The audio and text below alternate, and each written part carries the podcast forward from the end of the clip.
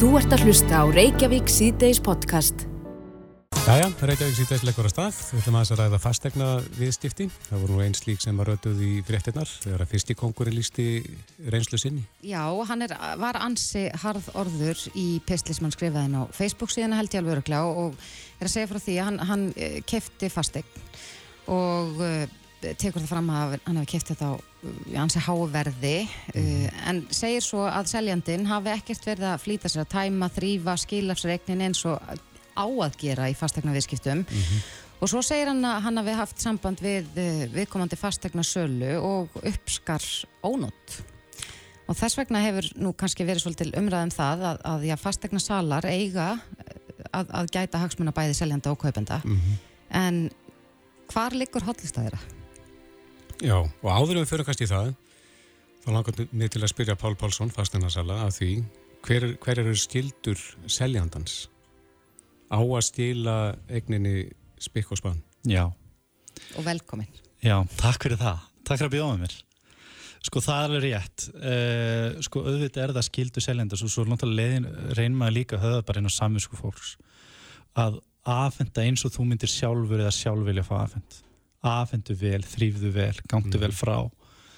Þú veist, það er bara eins sem betur fer, er það ekki algengt að því sem að Kristján lendi að ný þetta er ekki algengt og maður heyri kannski eins og hann nefnir, nefnir í þessu viðtali að hann heyrir af þessu en hann heyrir af þessu út af því að þetta er undatekning en þetta er líka svona típist sko ég held að þetta sé algengasta ágrinnisefnið í fastina viðskiptum það eru afhendinga þrif mm. bara svona yfir höfuð að viðkomandu kaupandi upplifir ekki en hefur fengið afhend og reynd og fínt Og hvað er gert í slíkum? Sko kaupandi náttúrulega á að þá að skora á seljandan að bæta úr og laga og ganga frá og gera þetta með hérna, með ákveðnum hætti svo eru náttúrulega, náttúrulega með mismunandi og nota orðið skítastöðul þannig að við erum kannski með ólíkt sko það sem ég finnst reyndi kannski fyrst öðrum óreind mm -hmm. en um, það ánáttúrulega kaupandin að skora á seljandan og koma að bæta úr því Er það ekki, sko, nú þekk ég það ekki hvort þetta komir hennilega bara fram í eh, lögum um fastegna viðskipti eða mm. hvort þetta, er þetta ekki oftast einhver svona klausa í kaupsamningum að afhenda skuli Jú. seint og, og allt Jú. þetta en, en með Jú. við myndirna sem að hann Kristján Byrti það var bara eh, heilt hellingur af Já, bara drastli. Þetta er í lögunum, þetta stendur líka aftan á kaupsamningum í smáleitrinu sem ég fá að lesa en, en auðvitað á að afhenda reynd og fínt mm. og afhenda vel það er alveg rétt hjá hann Já, hann nefndi þarna fyrir ekki uh, að hann hefði haft samband í fæstegnarsöluna og fengið ónótt Já. Og þá er það spurningin eins og Þórtís nefndi þetta á hann, hver líkur hotlusta fæstegnasalans? Sko það er, lögin eru mjög skýr. Fæstegnasalar eiga að gæta hagsmunu kaupand og seljanda jaft óháð því hver greiðir kostnæðin við söluna. Og það er bara sko, langt flesti fasteignarsæli sem ég þekki, náttúrulega gera það. Og þeir gefa ekkert afslátt af því er sérstaklega ef að hallar á kaupandan og það án að sjálfsögða að láta seljandan vita oftast er þetta líka millilega lust þar sem kaupandur og seljandur tala sér saman um það hlutin er eða verið svona einsegin en ef að viðkomandi kaupandi að seljandi leita til fasteignarsælans að þá er það náttúrulega viðbröðin eiga að vera náttúrulega að miðla málum og reyna að ganga frá því þannig að allir koma sáttur út úr þessu. Mm -hmm. en auðvitað er það mismunandi hvernig það er gert. Já, hann tók fram hann Kristjana að, að hann hafi sko spurt og, og spyr í raun og veru hvort að það megi þá ekki bara ja, taka til hendinni og, og, og gera og græja á kostnað seljanda, er Já. það alveg skýrt að hann megi gera það? Nei, hann verður, hann má gera það með samþyggi seljanda ef að seljandi samþykir það er að segja stopnar til kostnæðar hann máraun verður ekki stopnar til kostnæðar það eru þrif eða eitthvað annað segjum sem svo að það er eh, ég veit ekki, sturtuhausinu brotin mm -hmm. einhverjum ástæðu og við komum alltaf bara skipt um hann og ég vil nú bara seljandi borgi og ég ætla að koma með bara reikningi í afsal og fá bara afslátt raun og veru máða ekki nefn með samþykki seljanda mm -hmm. og ef að seljandi fyrir ekki, ef að seljandi hafnaði að þá getur hann tekið til kostnæðin við það og stopna til raun og veru kröfu eða ósk um að seljandi taki þátt í þessu í þessum kostnæði. Mm -hmm. En þá náttúrulega líka er það, þá náttúrulega fellir þetta ekki undir gallalögin, til dæmis gallin um tíbróstregluna. Það sem per galli þarf að nema 10% vermetegnarinnar mm -hmm. þannig að þetta er rosalega vikt mál þó að þetta sé svona leiðilegt mál Já, en, en eins og þú listir hérna á þann að, að það skýrt í lögunum að fastegnarsali mm. á að gæta hagsmun að begja, en það hlýtur þá samt að vera örlítið skakt vegna þess að, mm -hmm. að mhm. já, sölu laun fyrir, fyrir sölu á fastegn eru oft háar upphæðir mm, jáfnveil einhver prósentu tala af, af sölu upphæðinni já, þannig að, að er það ekki svona einhver smá kvati fyrir eh, fastegna salana að, að gæta frekar hagsmuna seljandana? Möguleg einhverju tilfellin getur það verið freistandi og ég hef alveg lendt í símtali þar sem að seljandin hefur sagt bara er að þú veist að ég er að borgaða launin þá þú að taka afstöð með mér en málið það líka þegar kemur ágreiningur auðvitað náttúrulega ef það kemur ágreiningur sem er flókin þá náttúrulega bóða mann með fólk bara strax til sín og reynir að leysa úr málinu Gera en, það allir? Það er kannski spurningi Ég veit það ekki, ég hef alveg upplifað það að fasteinasalega gera það ekki og, og gera það sko. Mm -hmm. en það er mér minnistætt í náminu og ég ætla bara að henda hverði á hann hérna Sigurbjörn sem að kendi það í náminu, í fasteinasalu náminu að munurinn á góðum fasteinasalu og lélugum fasteinasalu er að góðu fasteinasalu hann sagði ef þetta er einu sem þetta muna á náminu þá er þetta að góðu fasteinasalu hann bregst við vandamálunum strax og hleypur strax í þú og ég er algjörlega, ég hef oft hitt hann og alltaf rósanum fyrir það að ég hef alltaf tekið þetta svolítið hún náminu mm. þannig að auðvitað á að breðast þannig við að reyna að leysa ágreiningum með að hittast fólk það er líka þegar maður hittir viðkomandi að það er maður kannski til að segja minna heldur en, minna heldur en bara á liklaborðinu sko. og maður einu að leysa málin en við erum líka þeirri sérstöku stöðu að við erum ekki domstól, við getum ekki tekið afstöðu endilega með kaupandi að seljanda ekki nema raunverulegt lögbrót sé að ræða. Og það getur bara sagt að þetta átt að vera svona. Og auðvitað að menn hafa sagt ímislegt, ég ætla að laga þetta fyrir afhendingu og gera það síðan ekki. Og þá náttúrulega tekum við upp og segja, heyrðu, jú, þú ætlar að laga þetta fyrir afhendingu eða eitthvað slíkt. Mm. En þú segir að þetta eru svona algengustu þrætueflin, eh, þrifin. Það eru algengustu þrætueflin eru, eru þrifin, sko, flutningstrif það er nú ekki starra en það. Og það er raun og veru óbúslega fá mál sem fara raun og veru fyrir domstól á Íslandi í fastegna viðskiptum miða við löndin í kringum okkur. Er það helst er... bara þessi gallamál sem eru þá já, já, verulegir gallar 10% af? Já, eða leindir gallar. Mm. þar sem að kaupandi getur einhverju sannað að seljandi vissi eitthvað eða jáfnvel fastegnasali að vissum einhvern galla sem hann faldi. Mm -hmm. og kom ekki þá fram í sögluvilið eða slíkt. Það er einhverju algengara heldur en það sé verið að vísa í þessa 10% reglu Já, þetta eru, þetta eru mikilvæg viðskipti í lífi allra, hvort sem að um að ræða atvinnuhúsnaði eða, eða, eða bara heimilimanns. Já, já, algjörlega. Þannig að það skiptir máli að hafa þetta á hreinu, en, en eins og, ég finnst við nú minnumst enn einu svona á, á fiskikongin, að já, ef það stendur í samningi að, að það mm. skuli skila hreinu, væri já. þetta þá ekki borlegjandi fyrir fastegnarsvölin að benda á að, heyrðu, þú skrifaði nú undir að... Já skila skuli fastegn ég trúi nú ekki öðru en að já, ég trúi nú ekki öðru en að fastegn hafi haft samband við seljandan og bentunum á þetta. Auðvitað þekk ég ekki nákvæmlega hvað gerist þarna á milli mm -hmm. en þetta er auðvitað það sem hann upplifar. Hann upplifir ekki að, að það sé verið að sína sínum þörfum. Mm -hmm. og uh, en ég er alveg samfærður um það að fastegnarsalinn og flesti fastegnarsalinn sem ég þekki myndu allir taka upp síman og segja, heyrðu, þú áttir aðfætta hér. Það er brota samningi og gerir það ekki aðfindur réttum tíma og reynd og fínt mm -hmm. og svo er það náttúrulega kannski ekki alveg höndum fasteinarsala hann kemur inn á það í viðtalinu að hvað seljandi gerir hefur fasteinarsala lengi stjórn á ef hann ákveður og velur það að haga sér illa eða aðfinda illa eða aðfinda seint og svo framvís að það er volið lítið sem fasteinarsala getur gert nema þá bara haft samband og, samband og, og uh, kominum með skilningu það að hann þurfi aðfinda En, en seljandin, nei ég meina kaupandin fyrir ekki, hann getur aldrei krafist þess að fá einhvers konar afslátt eða neitt slikt heldur. Það þarf alltaf þá að vera í samræði við seljandan já, sem já. er kannski að vera þver og ætlar ekki að taka þátt í nefn sliku þannig að í raun og veru setur kaupandin þá upp með já, fá spil á hendi. Já, ef að, ef að það er þannig sem betur fyrir flestum tilvillum þá eru seljandu sérstaklega að vera ágreiningu til dæmis um ég veit ekki, þið, þið kannski flytiðu börst þóttál og þurkara og bakvið kemur að það er raki vegg þá er það nú yfirlegt hann að seljendur koma að borðu og vilja semja. Það er nú algengast. Seljendur eru flestir bara gott fólk og, og, hérna, og vilja semja og reyna að leysa málin. Mm -hmm.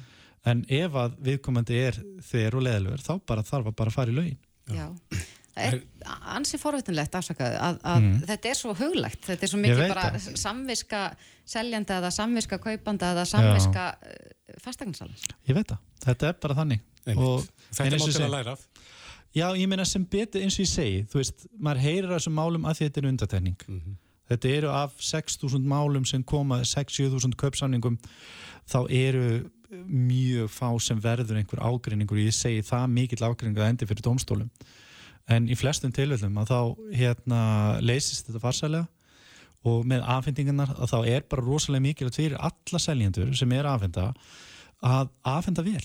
Og þó er ekki nema bara fyrir nokkur karmastik sko, að afhenda vel og, og, og láta þannig kaupandan sínum upplifa hann sé að fá góða vöru. Og vegna þess að það er náttúrulega alltaf tilhökun og kaupand að komast í nýja eign, skiljiði mig. Þannig að þetta er bara mikilvægt upp á bara svona mannlega heiðun líka Pál Pálsson, fasteignarsali, kæra þætti fyrir kominu. Takk kjærlega fyrir mig Þú ert að hlusta á Reykjavík C-Days podcast. Já, ég við höldum áfram hér í Reykjavík síðdeis og ætlum núna að tala um skatta, má segja. En uh, það bárst fréttir af því núna í vikunni að, að uh, lagður verði skattur, kvalreika skattur á, á uh, ítalska banka. Mm 40%. 40% og, og mér skilst allavega á fréttum að þetta sé nú eitthvað sem verður gert í stakt skipti.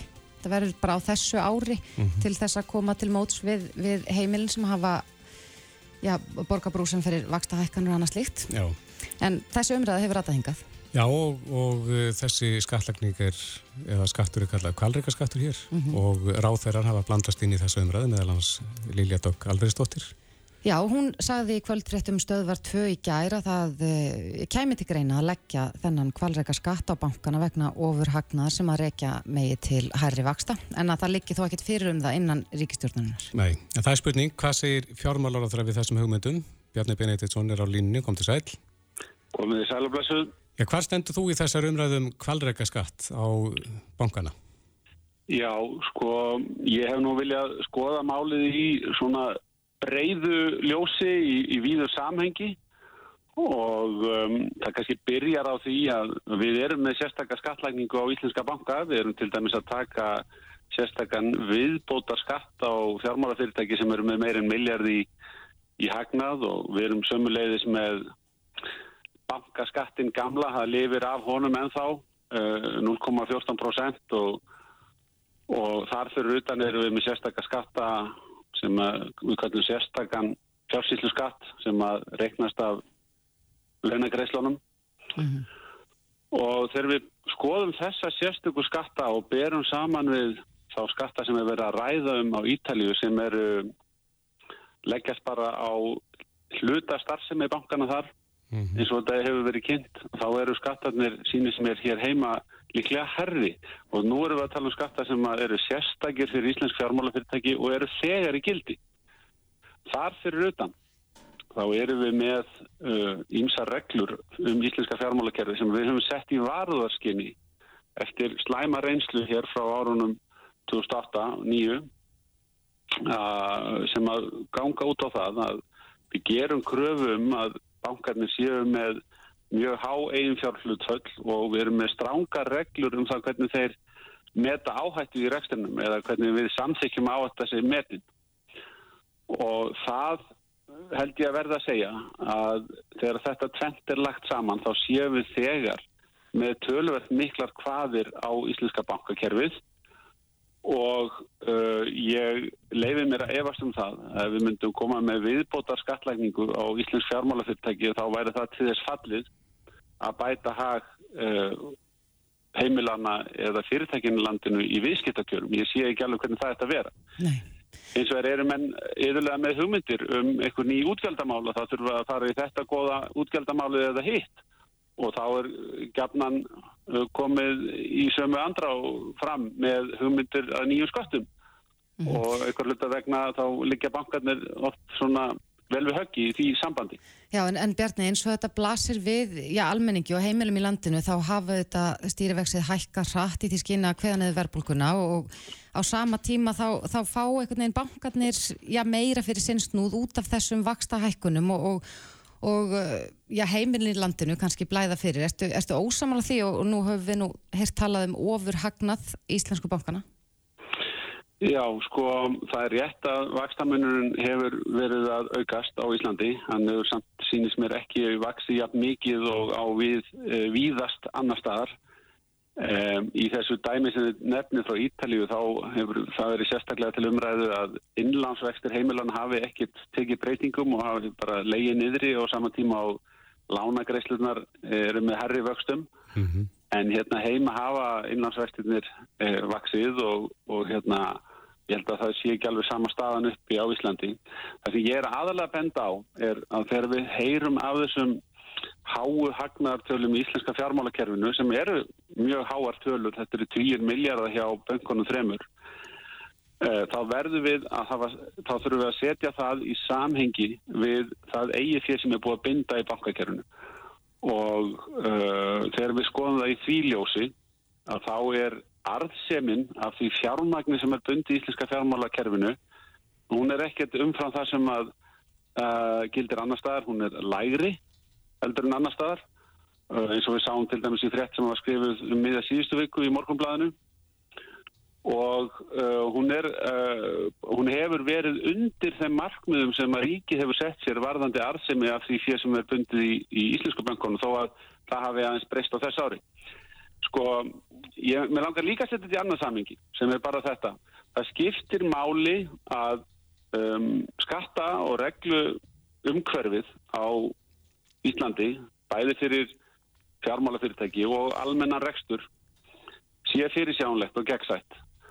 Og allur hringlandaháttur með skatta, skatta er ekki til þess fallin til dæmis að auka áhuga á því að fjárfesta í íslenska fjármálakerfinu. Nú höfum við verið sammálum það að losa um eignarhluti ríkisins í Íslandsbanka og klára þá sölu þegar fram í sækir og hugmyndir um að breyta skattaumkörnu held ég sé ekki góðar til þess að auka áhuga manna á því að koma og sérstaklega þegar þeir, þær hugmyndir bætast ofan á aðra sérstaklega íslenska skatta. Þannig ég sé ekki alveg þörfina eða, eða tilgangurinn hérna, sé nægur uh, með þessum hugmyndum og uh, okkar verkefni núna, það gengur ágætlega að loka fjarlægatinu hægt og rólega. Við erum komin langt fram úr áallunum í því efni, til dæmis langt á undan áallunum fjarlæga þess ás og við höfum bara einbytt okkur að því að missi ekki stjórn á útgjöldunum. Og, uh, og svo standa með heimilónum þegar að þegar við sjáum að þess gerir störfi hækkun til dæmis vakstabætur og barnabætur núna um áramötunum gerum breytingar sem eru til þess fallnar. Og svo verður að fylgjast mjög vel með um, þeim sem er í viðkvæmri stöðu út af háuvakstaðumkörfi og þurfa að sjá eða horfa fram á breytingar og sínum skilmálum uh, til dæmis í húsnæs, húsnæslánum. Ég ætlaði með þetta að spyrja því Bjarni, eru í pípunum einhverjar aðgerðir til þess að bregðast við þeim og koma Já, til móts við þá aðila? Krafan hlýtur að vera svo að þeir sem eru þörf fyrir uh, aðgerðir þeir uh, fái löst sinna mála hjá sínu fjármálafyrirtæki. Það hlýtur að vera hagur begja aðila samningssambands að uh, menn geti komist af og lifað með þeirri greiðsluberi sem um hefur verið samin. Það hlýtur að vera fyrsta sem við gerum kröfum að viðskiptabankarnir bregðist við. Nú um, vitum við að hjá sömum bengum er gert ráð fyrir því að fólk geti bara valið þann valkost að, að hérna, fleita afborgunum aftast á lánið. Aðrir er eftir að svara því hvernig þeir munu breyðast við. En við höfum verið að fylgjast með þessu í fjármála stöðuleika ráði þar sem ég sitt með selabankastjóra og við höfum verið að greina þetta mál og við teljum að það sé mjög vel viðræðanlegt þó að sé ekki hægt að segja annað en að það þurfa að fylgjast með því að það eru sum heimil sem að geta átt í erfleikum en þau hafa valkosti, þau hafa ímsa valkosti eins og til dæmis að að breyta skilmálum úr óvertriðum lánum yfir í vertrið og svo framvegis. Mm -hmm. En viljum við sjá það að, og, og það virðist vera lenskan og æg fleiri sé að færa sig yfir í vertriðu lánin. Er það til hagspota, já bæði fyrir einstaklingarna sjálfa og, og okkur og þjóðar búið? Til lengri tíma litið þá þurfum við að ná verðbólkunni niður og vakstastíðinu niður og við þurfum að skapa aðstæður sem að óvertriðir vextir, fastir, verði til, standi til bóða fólki til lengri tíma.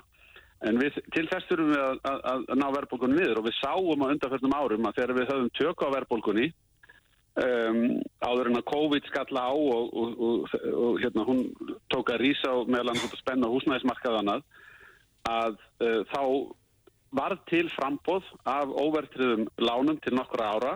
Í fyrsta skipti sáum við heimilin taka í miklu meirluta óvertrið lán umfram vertrið og jafnvel þóttum menn myndi hlaupa í það skjól tímabundið, sá hópur sem að þyrti á því að halda, þá myndi ég ekki gera aðtöðsendu við það, svo lengi sem að okkur tekst að ná verðbólkunartu niður, fá vextina niður og þá munu um, standa til bóða skilmálabreitingar að nýja ef fólk vil fá fara í í, í óvertriðt lánsform. Hvernig sér þið fyrir Bjarni að, að svo staða myndist aftur?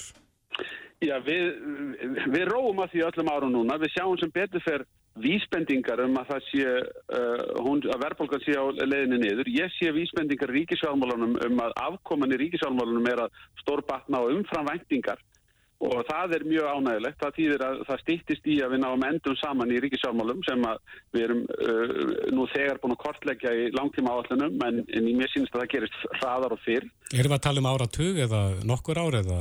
Nei, nei, við erum auðvitað bara að tala um uh, sko, ár, misseri og í, í, í, í hérna mestalagi 1-2 ár þar sem við myndum vilja sjá jákvæða breytingu. Við viljum auðvitað sjá áframhald á þeirri þróun sem er nú þegar farin að byrtast með verðbólguna en hún er ennþá í rúmum 7% stíðum þannig að við þurfum að, að ná henni langt niður mm -hmm. og, og hérna ef við, ef við sjáum uh, góða lendingu á vinnumarkaði kjærasamningum í vetur og þá eru, eru allar aðstæður á Íslandi til þess að að ná tökum á stöðunni verðbólkunni niður og þar með munum vextinni fylgi í kjálfæri. Það er alveg gefið mál að það mun gerast. Já, en, en, eru... en, við, en við þurfum að hafa okkur með ábyrgum hægt í mildtíðinni. Já, nú eru já, slettar tvær vikur í, í næstu vaksta ákvörðun Sælabankans. Vikur eigum við að búast. Eflust margir sem að hreinlega haldinni sinna andanum og, og vona það besta. Já, ég held að hérna, það sé bara alltaf lega fólk voni það besta og, hérna, og, og fólk er á ekki bara að horfa til Sælabankans heldur uh, á fólk að gera kröfur til stjórnmálana og til uh, vinnumarkaðarins um að, að menn tækja þessari stöðu alvarlega verðan að þetta er eitt mesta hagsmunamál uh, okkar bæði heimila og fyrirtækja.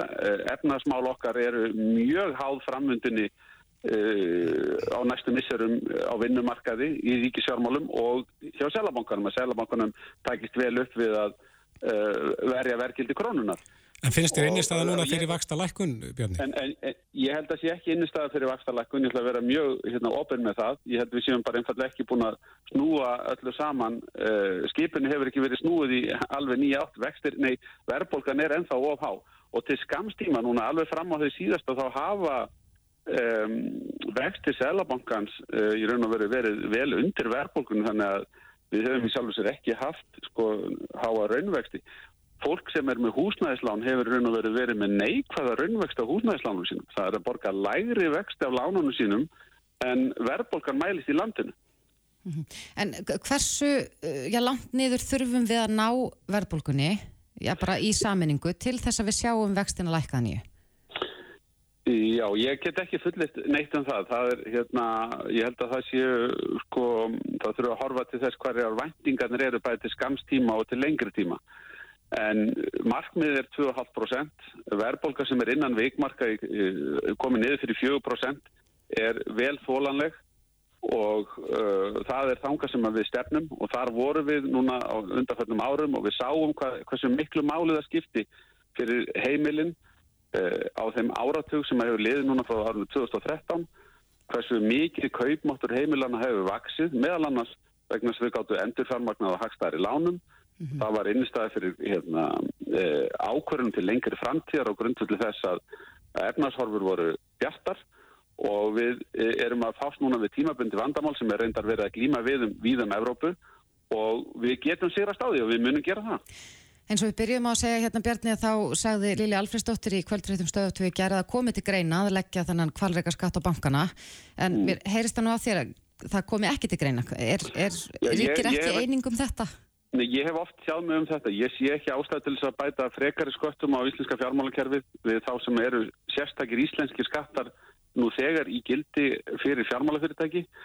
Um, ég hins vegar fagna öllum uh, hugmyndum um það að hraða bata í ríkisfjármálum og ég held að það sem skiptir mestu þar er að, er að auka árangur á útgjaldahliðinni, að halda aftur á útgjaldavexti þar sem það er hægt og bæta nýtingu fjármuna í opnbæra kerfinu uh, vegna þess að hægkerfið er að keira tekisliðina svo hratt upp.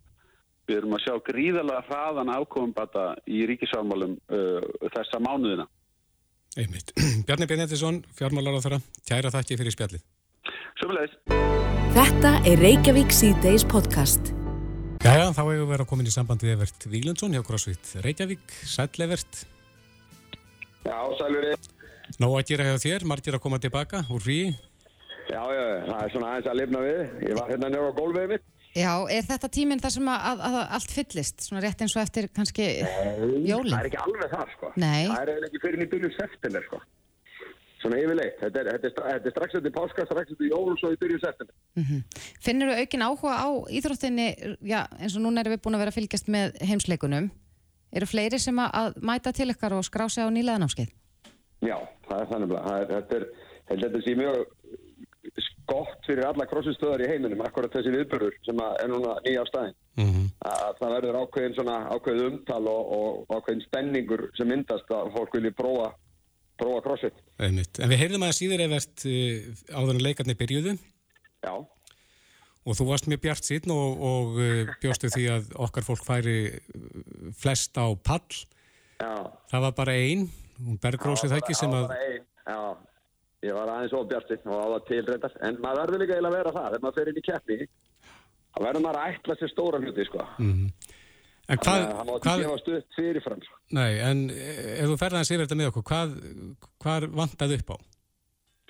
Sko, bara því að horfa, því að nú hefur ekki hitt neitt af, af eða hitt í neinum af þeim sem voru að keppa eftir, en bara svona að því að fylgjast með, uh, ef við byrjum á hann um breka, ég veist að hans er bara, hann er bara það nýr, breki er þá hérna, einhendistrákurinn okkar sem var að keppa í fallaðafloknum, Mm -hmm. uh, hann er nýr í keppni, ég hugsa að það hefur komið honum bara óvart, þetta stóra svið og hversu, hversu yfirgengilegt allt einhvern veginn er þannig í, í þessari keppni. Þannig að það er komið smá reynsla. Já, það vantar smá reynslu og ég er eiginlega bara vitnaði sjálf mig. Ég kefti á CrossFit Games í liðaflokki hérna 2012-13. Ég manna við keftum í Evrópu og það bara, gekk rosa vel og við vorum alveg rosa stór fiskur í lítið stjörn í Evrópu og, og hérna unnum Evrópumóti. Og svo komum við til bandaríkjana og við bara, við hurfum bara inn í fjöldan einhvern veginn og, og hérna, og það var svolítið yfirgengilegt allt saman og, okkur gekk, skilur já bara miklu verð heldur en við áttum von á. Þannig ég hugsa að hann hafi kannski lengt í einhverju svoleiðis. Mm. Uh, Bergrós stóð sér mjög vel á endaði þriðarsætti en það er hún að verða svolítið vön. Hún er búin að fara áður og, og vissi svona kannski hvað hún var að fara út í sko. Mm -hmm. En er það samt ekki svolítið sko, með þessa heimsleika að, að í raun og veru veit maður ekki alveg út í hvað maður er að fara? Nei. Maður þarf vel að vera góður í öllu. Eitt af því skemmtilega við CrossFit, eitt eitt af svona slagarónum í CrossFit er að, að þú þarfst að búa þig undir það að prepare for the unknown þá maður sletti nú aðeins. Mm -hmm. að búa sig undir það í óþekta og það er það sem að keppnismæðurinn í CrossFit þarf að vera stöðut með í huga. Mm -hmm. að, að hann, skilur, jújú, þetta eru vist, það eru olimpískar liftingar og það eru kraftliftingar og það er einhver hlaup og eitthvað svo leiðis alls konar svona æfingar en samsetningar og svo leiðis er eitthvað sem að verður alltaf eitthvað nýtt sko á hverjum leikum fyrir sér Einmitt. En svo er það reynsluboltarnir okkar sem að skortir nú alls ekki reynsluna. Nei. Katrin Tanja og Anni Mist. Já. Ég hérna, Katrin er búin að vera að æfa út í bandarækjunum og býr þar núna. Þannig að ég hef ekkert mikið verið, semst, ég er svona ekkert í kringum hennar æfingar. En hún kom mér mjög skemmtilega óvart og stóð sér vel og endaði mér sér ofar en Anni. Mm. Og, og það sem ég sé kannski hjá henni Anni, að því að við vorum að tala um það fyrir keppni að Anni er í toppformi, það hefur bara sjaldan liðið betur. En mögulega er það kannski þannig og nú er ég bara svona að kasta fram svona einhverju, einhverju, svona einhverjum hugmyndum. Mögulega er það bara að þegar maður fer aðeins að eldast þá kemst maður bara ekki eins rætt eins og maður gerir áður sko. Nei. Þannig að mögulega er, er, er sko já hennar tími í þessum stærsta og besta flokki kannski bara mögulega líða á okkur sko. Já En afsaka þetta, ég, eh, já, eins og við kannski komum aðeins inn á einni upphafa þá, þá eru margir sem að vilja prófa crossfit eftir að fylgst með heimsleikunum en það mjög já. skemmtilegt skemmtileg íþrótt að fylgjast með. En já, við rættum aðeins um það einn áðan. Ég saði nú frá því að, að ég tók eftir því þegar ég fór í líkansrætt í dag að það var mikið að bílum. Margir greinilega að fara í rættina en kannski ekki alveg allir búinir svona einhvern veginn að rýfa sig í ganga eftir sumafrí en það væri svo gaman að fá nokkur góður áfrað fyrir, fyrir þá sem eru kannski svolítið mikla þetta fyrir sér og hvíða fyrir því að fá harsperðunar sem eru óumflíjanlegar Já, já. Já, já, þetta er hérna, sko frá mínum bæðir ég, ég er búin að gera þetta stund að þetta svolítið lengi, ég er búin að vera við á einn þjálfun í, í, yfir 20 ár og þjálfa alls konar fólk, allt frá til dæmis ég hef tekið þáttið að þjálfa Anni Mist og þannig hensmestari í Crossfit og, og svo var ég að þjálfa fólk í byggjast og svo einhvern veginn alltaf á milli. Mm -hmm. að sko galdurinn er kannski veist, ég myndi hvetja fólk til þess að nummer eitt er að vera með eitthvað félaga. Ég, fyrir mér það er bara skemmtilegra ef það eru tveir eða, eða fleiri saman sem eru er í einhvers konar átakir saman mm -hmm. og þá þegar ég nenn ekki æfingu þá er einhver annar sem að rýfu með að stað. Skiljiði mig? Mm -hmm. þannig að, veistu, að finna einhvert félagskap sem að kvetur þið áfram. Og svo er náttúrulega hreyfing orðin veist, svo fjölbreytt og er svo margt í bóði og líkilatrið kannski í hreyfingunni sjálfri er að gera hlutina, gera æfingarnar rétt og vel Þannig að mann farið sér ekki, skilju, mann farið sér ekki að voða eða meiði sjá einhvern nátt, sko. Einmitt. Og þá kemur inn, skilju, einhverjir af þessum góðu þjálfurum sem við hefum út um alland mm -hmm.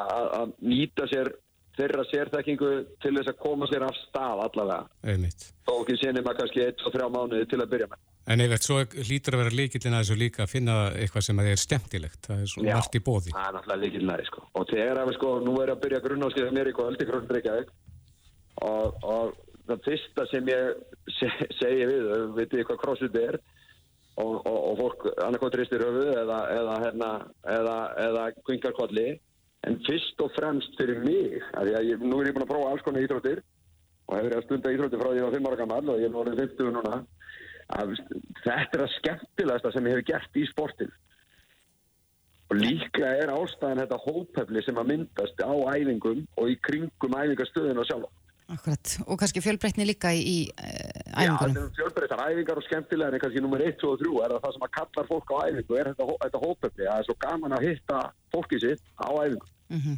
Þannig að ég ætti að segja, skilu, fyrir mig, ég er kannski smá, hérna, ég er ekki, hérna, ég er ekki alveg hlutlaus, en farið aðeins crossfit, það er skemmtilegast. Já, en ég, ég er nú með eitt ráð sem að, já, er kannski verðbólgu sko hvetjandi en það er líka ofbúslega gaman að kaupa sér eitthvað svona eina litla flík, nýjan ból eða eitthvað til þess að hlaupa í.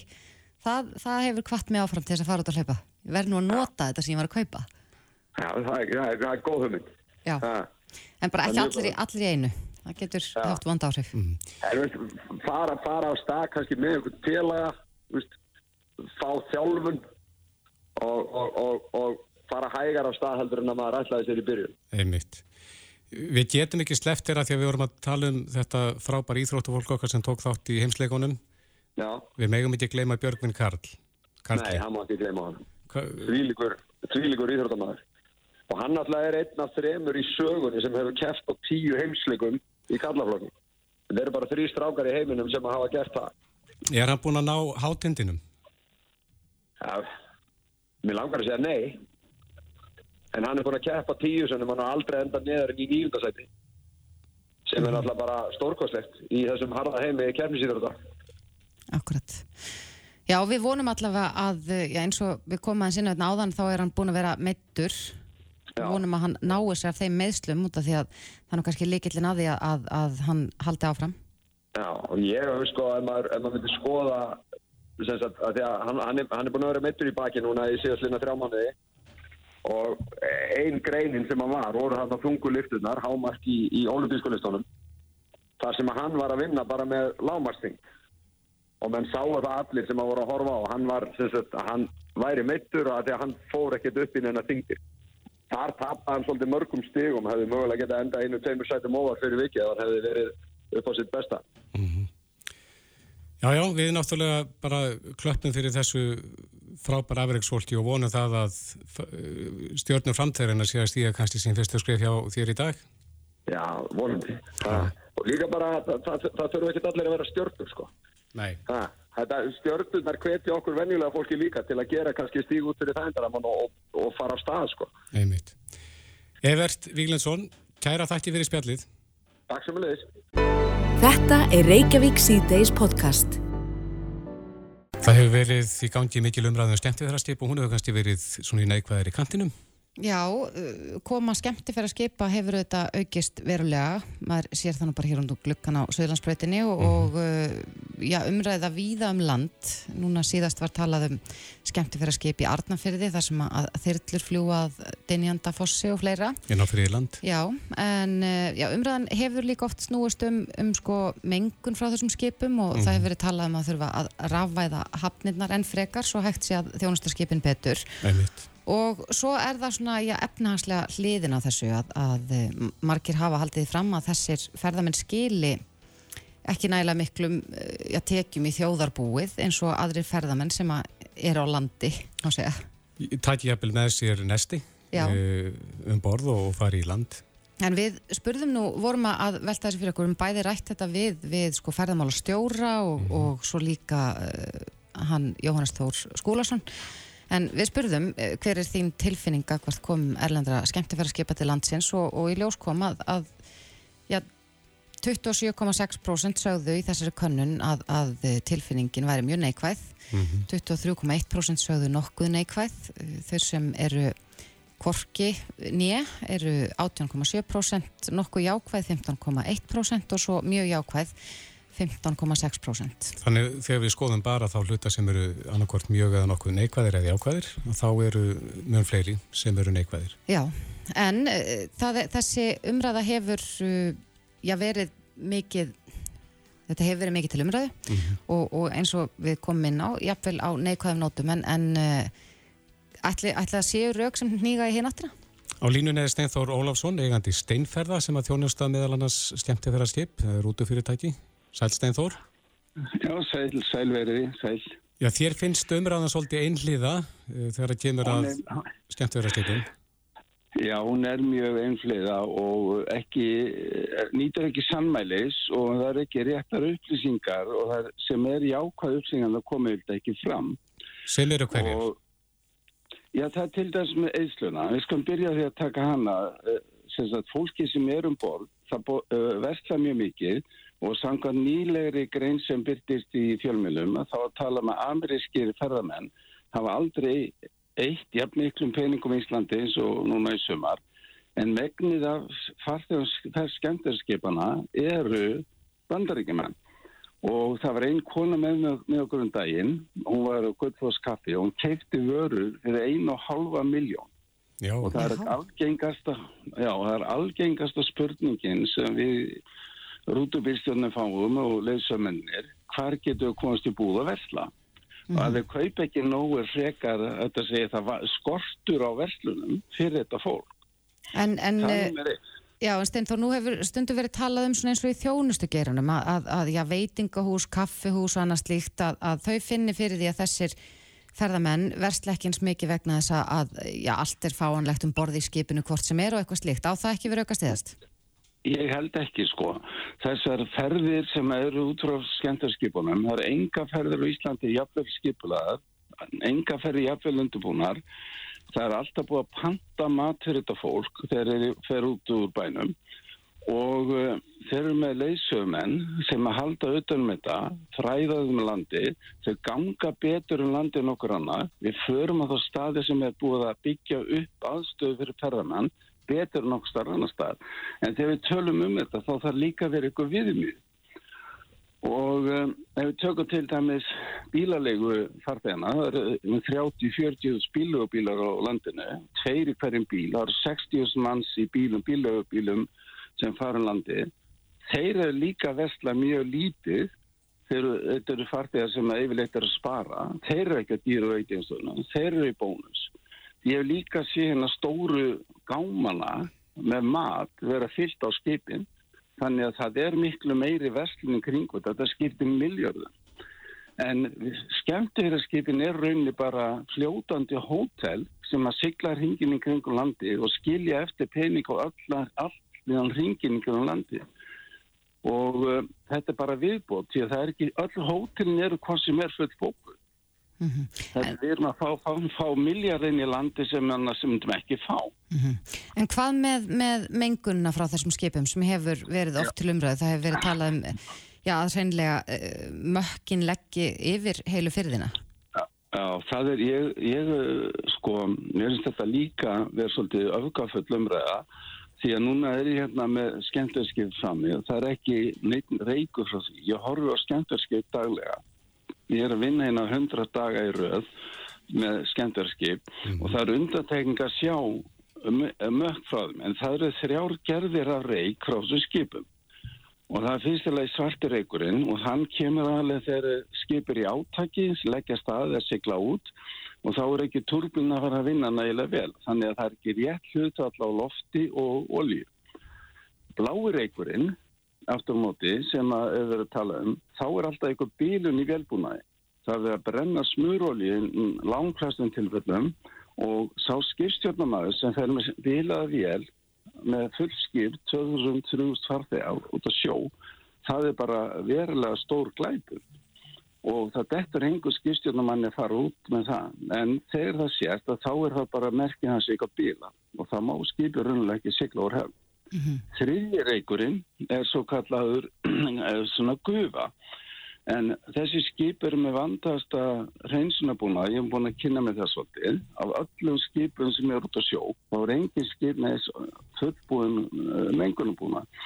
Hluta því er Íslands uppfinning og það er svona eins og gerðir, hjólu og reyðhjólu með teinum og það er dælt vatni inn í miðin á þessu hjóli og það snýst inn í reykánum og tekur upp alla ragnir. En þetta vatni kallt hítinn svo útblæstur með heitur þá myndast átt mikil gufa þegar heitt vatn, nei, kallt vatn og heitt loft myndast koma saman mm -hmm. og þetta er að skapa þessa umræðu sem að mér finnst þér opastlega neikvæð og mikill vannþekkingu og stóri sleggjudómar um þessa aðdunugrein Já, það, kom Steinþór, það kom fram í, í frettum hér í, í júlimánuði held ég alveg örgla að, að já, Ísland væri á meðal tíu Evrópuríki sem verða fyrir hvað mestri mengun á völdun skemmti fyrir að skipa? Já, já þessi, þessar uppsingar sem eru að koma hana fram, þetta er yfirleitt umhverfið samtök sem er að gera þessas, þess eh, að eh, byrta svona fulleringar.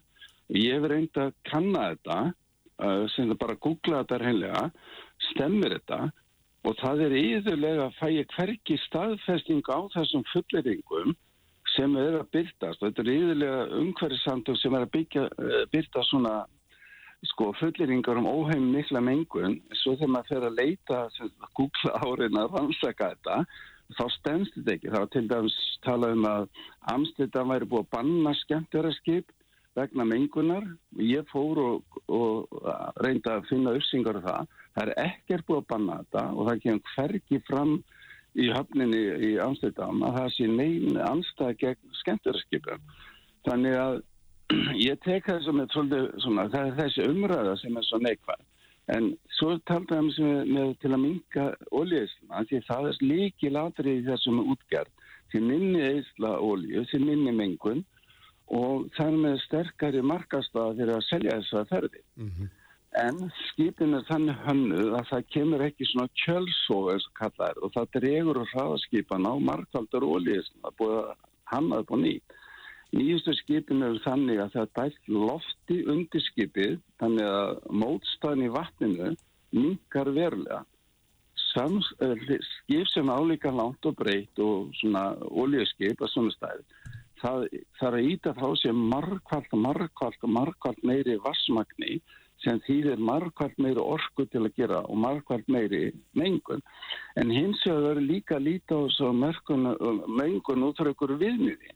Á við að við tíma skipsins í hafn, þá er hún lítið. Þetta er ekki náma 24 tíma maksimum sem er í hafn. Mm -hmm. Á að miða við fjölda farþega að þá er það mjög lítið. Það eru fimmsunum meiri mengun af um, per farþega í flugi heldur en í skemmtarskipi á ferð. Við verðum nú að fara að setja punktinn, Steinþór, en hvena líkur þessu tímabili komu skemmtufæðarskipa? Hvað er mikið eftir af þessu tímabili? Það er í lók september, 25. september er sensta ferðin sem ég er að fara í. Já. En ég er að vinna þetta daglega og ég fylgist með þessu og ég er aflað mér upplýsinga um þessa menguna í þessar umræðu Mm -hmm. og uh, það er, það er stendur eða ekki steitnið steini í þessum fulleringgum um að yfirgengilega mengun og, og skaðsemi skipana. Nei, þú hefur aðrar upplýsingar heldur en hafa komið fram greinlega. Já, ég hef, lagt mig fram með það að afla mér það. Steinþór Ólafsson, eigandi Steinferða, sem að þjónast að skemmtufæðarskipin meðal annars. Kæra þakki fyrir spjallið. Takk sem leys. Takk fyrir að fá að tjá mig um þetta mál. Takk. Reykjavík síðdeis á Bilginni podcast. Eitthvað tíma spurðu við í könnun uh, hvaða skinnfæri fólk myndi síst vilja missa og uh, eins og kannski ekki verið að stilja þá nefndu flestir augun og Já. sjó sjónina. Sjónin er gríðarlega mikilvæg. Ég hef alveg bara óhygg að tala um það að eh, já, eina bara bestu ákvörðun sem ég hef tekið var að, að fara í svona leysraðgerð. Já, Því líkur munur að vakna á morgnana og þurfa ekki að fálma eftir gleru já, og uh, já, að, að bara vakna og sjá. Mhm. Þannig að, að eh, er Er- allir gjaldgengir í slíka uh, aðgerð? nei, ég held að það sé ekki allir. En ég þóra ekki að fara með það. Við erum með sérfæðing. Við erum með sérfræðing hér inn í hljóðvörni hjá okkur. Uh, hann er sestur hérna, Jóhann Ragnar Guðmundsson, auglagnis, blessa og sæll. Halló. Já, við ætlum, er nú báðum um að koma yngar til að, ræða þessi, þessa auga steina aðgerið sem eru orðnar ansi algengar en, en kannski byrjum á þessu. Geta allir farið í svona leysir aðgerð á, á til þess að leiðir þetta sjón?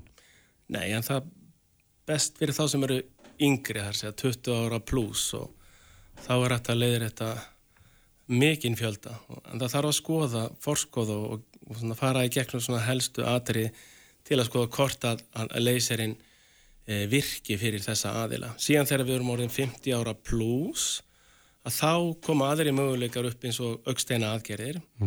Og það sem við ætlum að tala um eftir eru augsteina aðgerðir fyrir eldra fólk en það er hægt að fara í augsteina aðgerð eins og fyrir mig sem eru að vera 55 ára og þá get ég fengið multifókal eða margfókus uh, linsur. Og það er gert í, í, stofu sem heitir sjónlag og en þá þarf maður að borga fyrir það og, og, og stöttu bygglisti en þá kemur það á sama hlut og að fara í leysir aðgerð.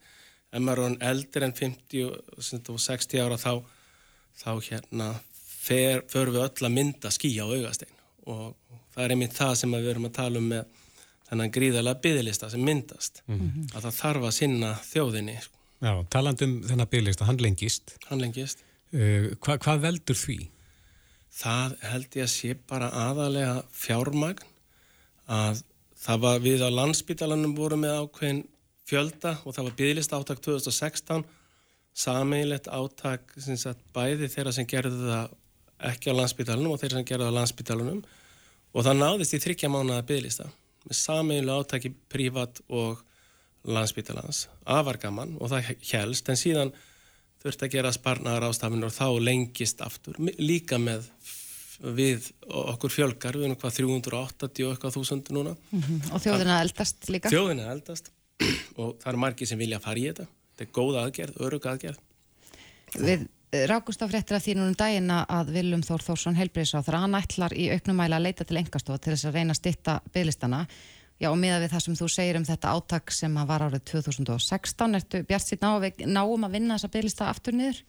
Mér finnst það bara mjög góð hugmynd hjá honum og, og einmitt vegna þess að, að, að þá er hann vantilega að hugsa sko, við þurfum alltaf að gera þetta saman bæði spítalinn þar sem við gerum okkar fjölda og leggjum okkar að mörgum og gerum líka mjög flóknar aðgerir því að þetta er ekki bara einföld aðgerð, þetta getur verið afar flókin aðgerð, stundu þarf að gera henni í svæfingu þannig að landsbytalinn leggur sitt að mörgum og þá uh, enga aðilega sem að hjálpa til til að ná þessari tölu. Landsbytalinn getur ekki gert það einn.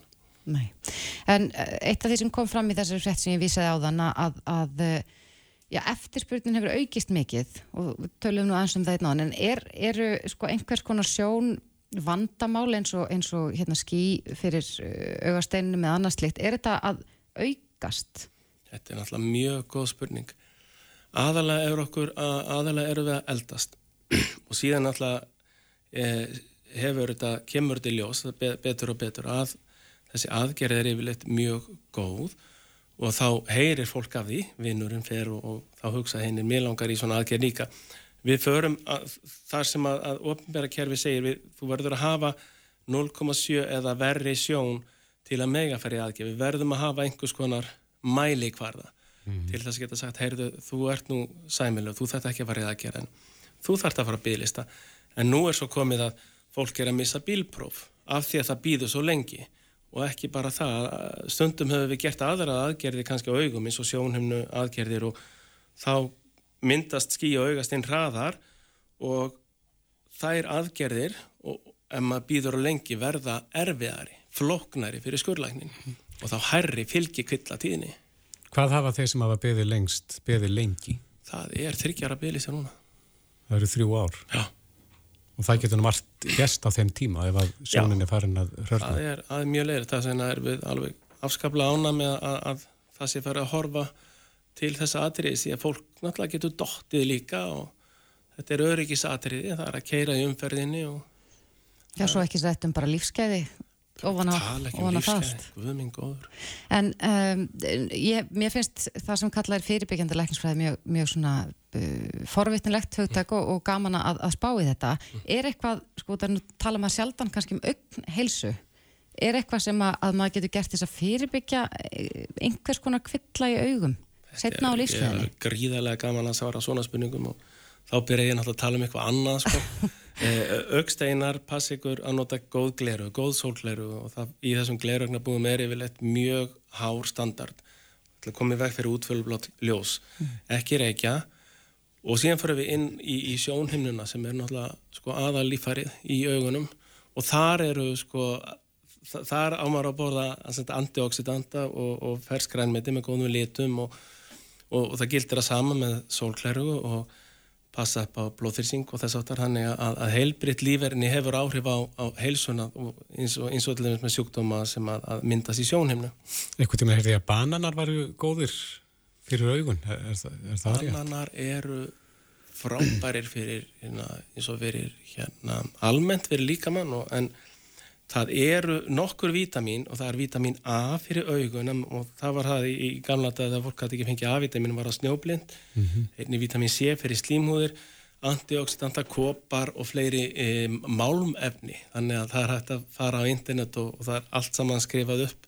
En ef, ef venjulega manneska spyrum þar er að taka töflur? þá svar nei. Mm -hmm. En hvað með augdrópa? Er það eitthvað sem maður á að vera til þess að viðhalda raka eða Já. virkar þetta bara Já. að sjálfu sér? Það er þurft loft á Íslandi eins fyrirlött og það hljómar og það hjálpar að minga viðna með því auglógin er alltaf að blikka á móti auganu og það eru til alveg frábærir augdrópa með eða án rótanarefna, með eða án fytu og þykir eða þunnir sem þetta er að setja í og, og það, e, þá líður fólki betur sérstaklega þegar maður eldist og líka það eru semturbrennur og þess að það að, þannig að, að það er að gera gríðarlega margt.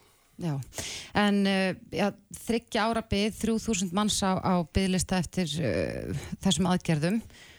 Hversu, hversu lengi, hversu fljót getur við verið að, að vinna þetta niður? Það er frábært að þetta komið á borð hjá helbriðsráðara núna sem ætlar að, að taka á þessu og þetta verður að vera sameilegt áttak því að við sem verum að skera sinnum líka vaktavinnu vaktavinna á spítalunum þar sem að, að, að bráðalutir koma e, slýsa á augum og þess aftar hann er að þetta helst allt í hendur.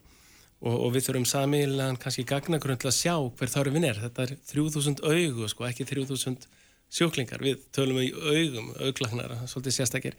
En, en, en það með góða átaki þá, þá hefst þetta af stað. Og, og þetta er stutt aðgerð vel gengur sko. Og við erum með skurstofu pláss uh, Akureyri og það, það er hérna í, í hérna á fleiri stöðum á landsbytalinn og lendis og síðan sjónulag þannig að það eru aðilar sem geta synt þessu.